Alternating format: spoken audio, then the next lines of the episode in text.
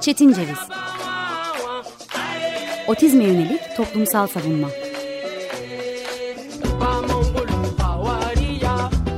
Hazırlayan ve sunan Deniz Yazgan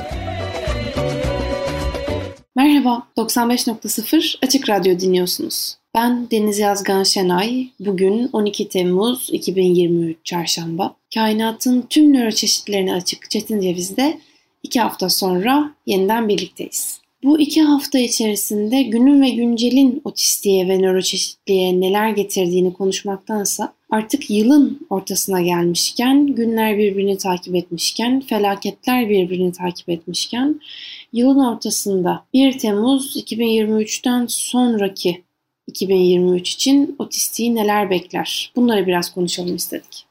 Bu yıl bir felaket gördük. Daha doğrusu iki felaketi arka arkaya yaşadık. Ee, hatta bunu biz demek çoğu zaman bu felaketi gerçekten yerinde yaşayanların yerine geçmek ve onların felaketini çalmak gibi hissettirse de Türkiye'de iki büyük felaket yaşandı. Hemen ardından iki büyük seçim oldu. 80 milyon insanı ilgilendirecek vaziyette. 40 milyonu aşkın diyeceğim şimdi. Kaç kişi olduğundan emin değilim. 50 milyonu aşıyordu diye hatırlıyorum. 50 milyonu aşkın seçmen sandığa gitti ve bir karar verdi ve hayat devam etti. Bu süreçte depremden sonraki engelliler için, deprem sürecindeki engelliler için neler yapıldığına, nasıl bir vaat verildiğine odaklandık senenin başında. Hemen ardından seçim sürecinde engelliler için, nöroçeşitler için, otistikler için neler yapmak istediklerine odaklanmak istedik. Odaklanmak istedik çünkü otistiği, nöroçeşitliği, zihinsel engelli ve engellinin ta kendisini direkt olarak özne kabul eden veya herhangi bir şekilde bir vaat üreten kişiyle çok da karşılaşmadık. Sorunlar üzerine yanıt veren veya önemli lobicilik faaliyetlerinden sonra engelliyi konusuna heybesini alan kişilerden çözümler beklemenin ne olursa olsun bir beyhude çaba olduğunu düşünenlerle dayanışmayı hayatının odağına alan ve yeniliklerde engelliyi de görmek, engelliyi kapsayıcı düzenlemelerle buluşmak isteyenler karşı karşıya gelmese de beraberce olmayan bir sürece girdiler. Belki de en önemlisi bu sürecin beraberce olmaması. Peki mevcut düzende engellinin sosyal hakları nedir diye sorduğumuzda temel hak ve özgürlüklerin insanlardan ayrıksılaşmadığını zaten biliyoruz.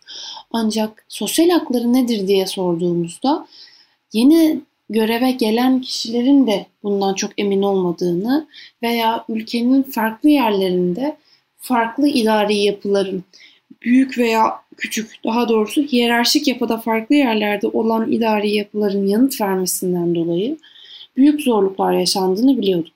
Aslına bakarsak bize bu süreç geçirdiğimiz iki büyük seçim süreci şunları da göstermiş olmalı diye düşünüyorum. Türkiye'deki sorunlar da tamamını etkilemeden bölgesel bir büyüklük veya küçüklük gösteriyor. Örneğin İstanbul'dan nispeten daha kolay diyelim yaşaması, daha kolay bir şehirde olan bir kişinin bir çözger raporu çıkarmakta veya bir vesayet davası açmakta yaşadığı zorlukla Ankara'da, İzmir'de, Bursa'da, İstanbul'da yaşayan kişinin yaşadığı zorluğun daha farklı olduğunu fark ettik bu seçim sürecinden sonra da. Bu seçimin sonuçlarıyla ilgili bir paylaşım veya bir söz gelimi serzeniş değil aslında. Bu Türkiye'nin farklı yapılanmasından dolayı bir sonuç çıktısı. Biz bu bağlamda ebeveynler için otizm rehberinde sosyal haklara da yer vermiştik. Daha doğrusu değerli Özgür Eller ekibi sosyal hakları benim yazmama uygun görmüştü. Ve biz bu süreçte sosyal haklar başlığı altında çözger sürecinden, rapor itiraz sürecinden, süresiz raporun nasıl çıkarıldığından, rehberlik ve araştırma merkezlerinin çalışma prensiplerinden, özel eğitim ve rehabilitasyonun ne anlama geldiğinden, daha doğrusu hukuki bağlamda ne anlama geldiğinden, eğitimin niteliğinin nasıl öngörüldüğünden, bireyselleştirilmiş eğitim planı yani BEP diye kısaltılan ve farklı farklı çıktılarıyla itiraz koşulları oluşturabilen plana nasıl itiraz edileceğinden, gölge öğretmenin ne anlama geldiğinden, özel eğitim hizmetleri kurulundan, özel eğitim değerlendirme raporuna itirazdan, özel eğitim değerlendirme kurulundan, engelli kimlik kartından, bakım aylığından, evde bakım aylığından ve vesayet sürecinden söz etmiştik. Bunlardan neden söz ettik? Bunlardan söz etmemiz niye önemliydi? Çünkü Türkiye'de de belki bu coğrafyada, bu ülkeden dışarıda da engelliliğe dair bir çocuğun engelli olma ihtimaline dair ilk düşüncemiz belki omuzumuzun kenarından tuz fırlatmak, belki tahtalara vurmak, Allah korusun demek ve kötü bir şeyin yaşanacağından korkuyla bunu düşünmemek. Bunu düşünmemek kurumsallaştığında engelli çocuk sahibi olan ailenin ne yapacağını hiç bilmeden dünyaya da dolandığını görüyoruz. Bu gerçekten bir dünyada dolanma hali. En azından eğer e, bireysel olarak kendi deneyimimden söz edeceksem dünyada dolanma haliydi. Çünkü nereye başvurmam gerektiğini kardeşimin yaşıyla beraber öğrenmek durumundaydım. Ya raporların ismi değişirdi ya raporlara başvuru süreci değişirdi. Sürekli bir şey değişirdi ve bir sene önce, beş sene önce yaşı 13 olmuş, 18 olmuş bir çocuk için yapılması gereken bir sene sonra veya 5 sene sonra yaşı 18 olacak çocuk için yapılması gerekenden farklıydı. Veya Kahramanmaraş'ta otururken neyin yapılması gerektiği farklıydı. Ya da felakette engelli tahayyülünün bu kadar büyük olmamasından dolayı 100 yıl boyunca görülen büyük bir felaketin içinden çıkmanın gerek getirisiyle beraber bir doğal afet ülkesi olmanın getirdiği öngörüye sahip olmama ve kervanı yolda düzme alışkanlığı dolayısıyla yapılacak şeylerin nasıl şekilleneceği belli olmuyordu. Bu değişkenlik zaten bizim sınav sistemimize de yansımıştır. Sınav sistemlerimizde de sürekli ama sürekli yenilikler gelir, yenilikler gider. Yeni olan şeye alışmadan daha yeni bir süreçle karşılaşırız. Ancak engelli kişi için, engelli çocuk, ergen yetişkin için, bebek için neler yapılacağını yol üzerinde öğrenmek aslına bakarsak bunu yalnızca anlamayı getiriyor ve birbirine rehber olan ailelerin uzmanlığını içermeyen konularda tavsiye vermeleri daha büyük sosyal sor sorunlara yer açabiliyor. Bu yüzden rehberde süreçlerden ve sonuçlardan söz etmek istedim ben sosyal haklar kısmı için. Değerli dinleyicilerimiz özgüreyler.org sitesinden özgüreyler.org taksim rehber taksim kodlamasıyla zaten siteyi bulabilecekler ve bu araştırma sonucunda yapılacak şeylerin itirazlardan da geçtiğini fark edecekler bizlerle beraber. Bu süreç itirazlardan da geçiyor çünkü aslına bakarsak adı bireyselleştirilmiş olan eğitim planı bireyselleştirilmiş değil. Çocuklar için sağlık raporu olarak tanımlanan çözgerin açılımında direkt olarak çocuğa özgü uygulama neredeyse yok denecek kadar az. Belki de değerli dinleyicilerimize şu soruyu sormak gerekiyor. Otizm eşittir zihinsel engellilik midir? Otizm eşittir zeka geriliği midir? Veya bir kişi zeka geriliği sahibi olmadan zihinsel engelli olabilir mi? Bu sorulara elbette yanıtı verecek kişiler, psikiyatristler, hekimler, psikologlar, bu alanda uzman psikologlar ki birkaç program önce bu alanda uzman olmanın getirilerini ve götürlerini özellikle engelliden, zihinsel engelliden ve zihinsel engellinin ailesinden götürlerini konuşmuştuk. Bununla beraber bu sorunun yanıtını nasıl vermek istediğimiz kariyerist olup olmamakla, kapitalist olup olmamakla da değişiyor. Eğer engelliye özgü iletişimi, engellinin özgü hareketlerini, engelliye dair olanı bir problem olarak adlandırmakta ısrarcıysak, bunu çocuğuyla ilgili yenilikleri, farklılıkları endişeyle, toplumsal sağlamcılık normlarının bilinciyle ve endişeyle takip eden aileyi bunu reddetmeye, bunu kabul etmemeye itiyorsak kariyeristiz ve biraz da kapitalist bir çıktıyla aslına bakarsak dünyaya baktığımızı söyleyebiliyoruz. Bununla beraber raporların özgü olmayışına odaklanarak otizm dendikten sonra raporun özellikle süresiz raporun yüzdesinin artması ve aileye ek hakların tanınması için örneğin bu bağlamda araba alar alırken spesifik vergi türünü ödememek gibi veya su faturasını öderken %50 indirimli ödemek gibi yolları açmak adına hekimlerin çocukta zeka geriliği olduğunu düşünmeksizin zeka geriliği raporu vermesi aslına bakarsak sistemde bir kitlenmeyi ve damgalanarak doğru haklara erişmeyi kabul etmeyi de getiriyor. Uzun bir cümle oldu, anlamı değişkenleşebilecek bir cümle oldu. O yüzden kısaltmak adına şunu söyleyebilirim. Engellinin ve özellikle zihinsel engellinin damgalanmasını göze alarak haktan faydalandırmak zaten sağlamcılığın ta kendisidir ve doğru eğitimi almaksızın ki Türkiye'deki doğru eğitim davranışı ekolden geçtiği için buna da doğru eğitim diyemiyorum ben. Ancak doğru eğitimi almaksızın yalnızca sosyal medyanın faydalarıyla veya ailelere empoze edilenin aile tarafından gerçek olarak kabul edilmişliğiyle herhangi bir harekette bulunan kariyerist odaklardan artık kurtarmamız gerekiyordu. Bu engellinin kim olduğu ve engellinin neleri nasıl yaptığı meselesini. Ben bir engelli hakları savunucusu olarak en azından bunu düşünüyor olabilirim. Biraz da engellinin nasıl bir empati odağı olduğundan söz etmek gerekiyor ve buna nasıl göz yumduğumuzdan. Biz bu raporu en azından kendi kısmında göze alınanlara itiraz etmek için de itiraz sürecini haklar bağlamında anayasada bulunan dilekçe hakkı bağlamında nasıl dışa vururuz ondan söz etmek istediğimiz için yazdık. Bunu bu şekilde ifade ettiğimizde hangi cenahta olduğu fark etmeksizin çıkıntılık yapmakla suçlanmak artık bunun bence adı suçlanmak olmalı. Çıkıntılık yapmakla suçlanmak engelli aleyhine oluşan, engelliler aleyhine oluşan bu işbirliği meselesinde çok güzel gözler önüne sürüyor bence.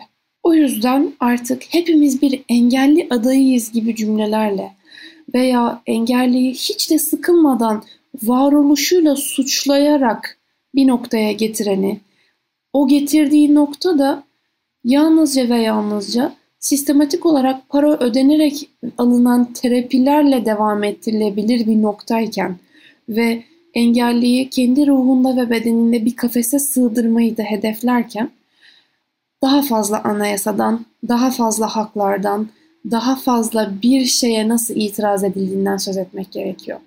Elbette karşımıza kendisini realist olarak tanımlayan kişiler çıkacaktır. Bu süreçlerin nasıl baş ağrıttığını söyleyecektir.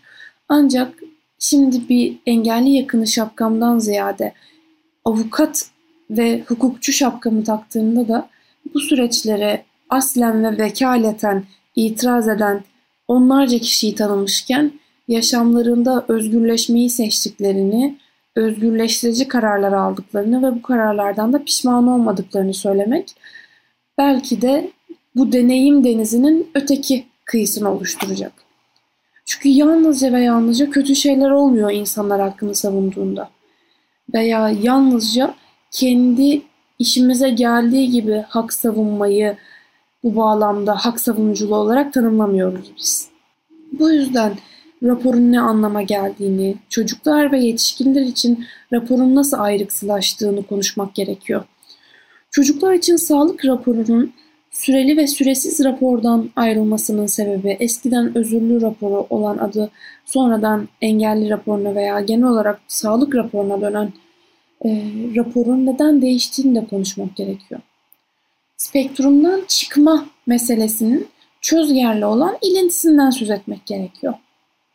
Özellikle ve özellikle özel okullar bağlamında, vakıf okulları bağlamında raporlu olan, süresiz raporu olan çocuğun uğrayacağı ayrımcılık ve okula kabul edilmeme sürecinde çocuklar için engellilik raporunun, sağlık raporunun bu bağlamdaki geniş niteliği süreyi daraltıyor.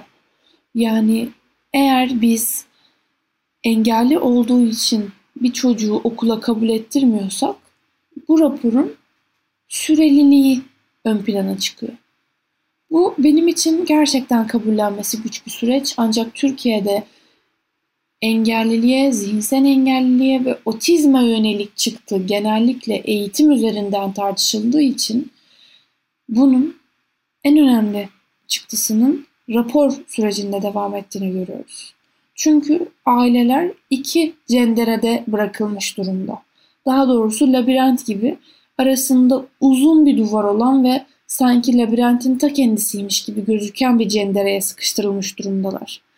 Ya rapor olmadan ücretsiz eğitim alamıyorsunuz ya da rapor aldıktan sonra çocuğunuza kendi dünya görüşünüze ve hayata bakışınıza yönelik olarak özel eğitimi, özel okullardaki eğitimi daha doğrusu aldıramıyorsunuz.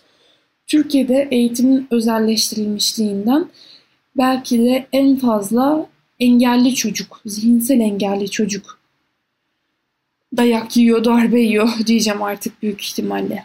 Özel eğitim adı altında davranışçı ekolle sallanmamayı, göz göze gelmeyi, otistiğin ruhunu sıkıştıran şeyi genel olarak anlatıldığını, empoze edildiğini görmüşken özel okullardaki eğitimlerde ise nörotipik ve o nörotipiklik içerisinde okulun uygun gördüğü ideolojiye uygun bir şekilde şiir okuyabilen ve düşünebilen, okulun uygun gördüğü davranışları yapan, okulun uygun gördüğü desibelde sesini yükselten çocuğun hayal edildiğini görüyoruz.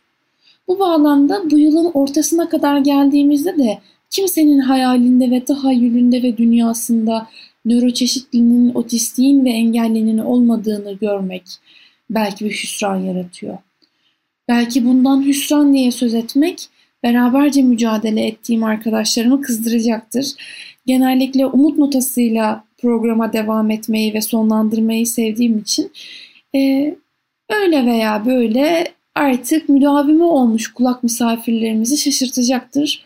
Ancak yılın ortasıyla beraber belki de engellinin ömrünün, sokaktan geçen bir zihinsel engellinin ömrünün, daha doğrusu sokaktan da geçemeyen, evine tecrit edilmiş zihinsel engellinin ömrünün ortasını eğer iddia ediyorsa, bu anlama geliyorsa, ömrünün sonuna gelmediğini hissediyorsa engelliye bakım gösteren, artık yapılması gereken çok daha önemli şeyler var.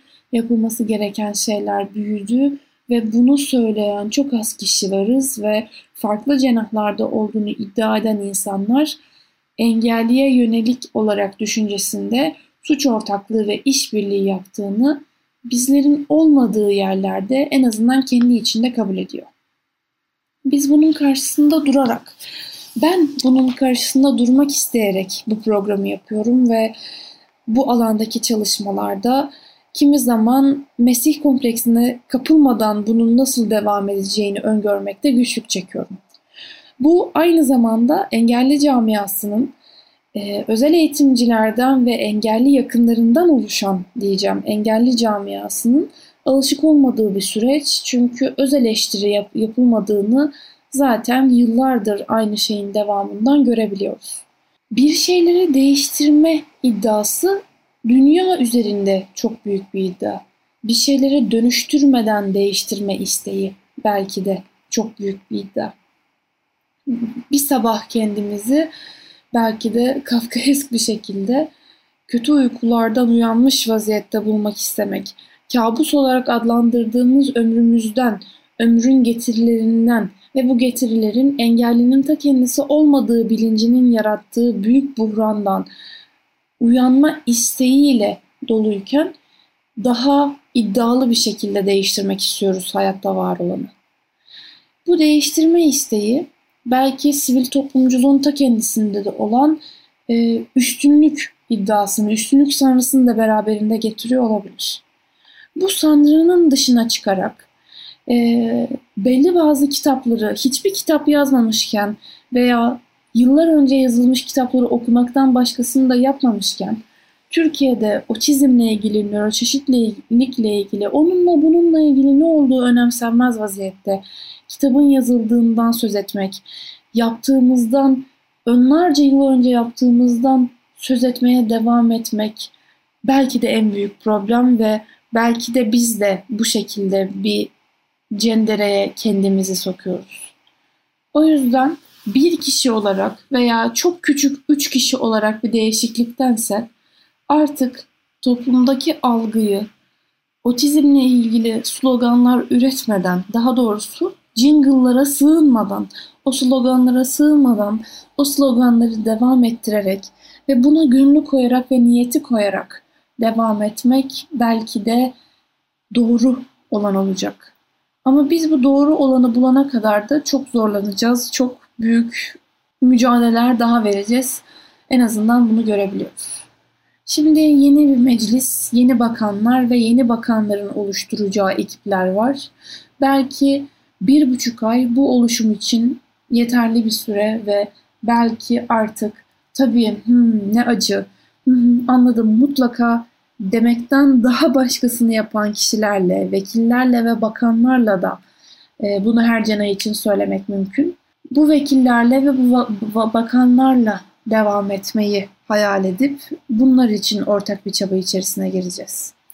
Çünkü bu yol yeni yasa tasarılarından, yeni değişimlerden, tutsak edilmiş engellilerin topluma kazandırılmasından geçiyor ve en azından tutsak edilmiş engeller için ya açıkça biz buna devam edeceğiz demelerini ya da açıkça ve gerçekçi bir şekilde süreci, yaşamı değiştirmelerini öngören insanlarla çalışacağız. İkisinden biri olsa en azından bu cendere, bu arafta kalmışlık hali belki biraz daha çözümlenir. Bu arafta kalmışlık halini güzel duyguları bize hissettiren ve yaşamımızın her yerinde olduğunu maalesef ki kaybettikten sonra anladığımız sevgili Özkan Uğur'un bir şarkısıyla bitirelim. İki hafta sonra görüşmek üzere, hoşçakalın.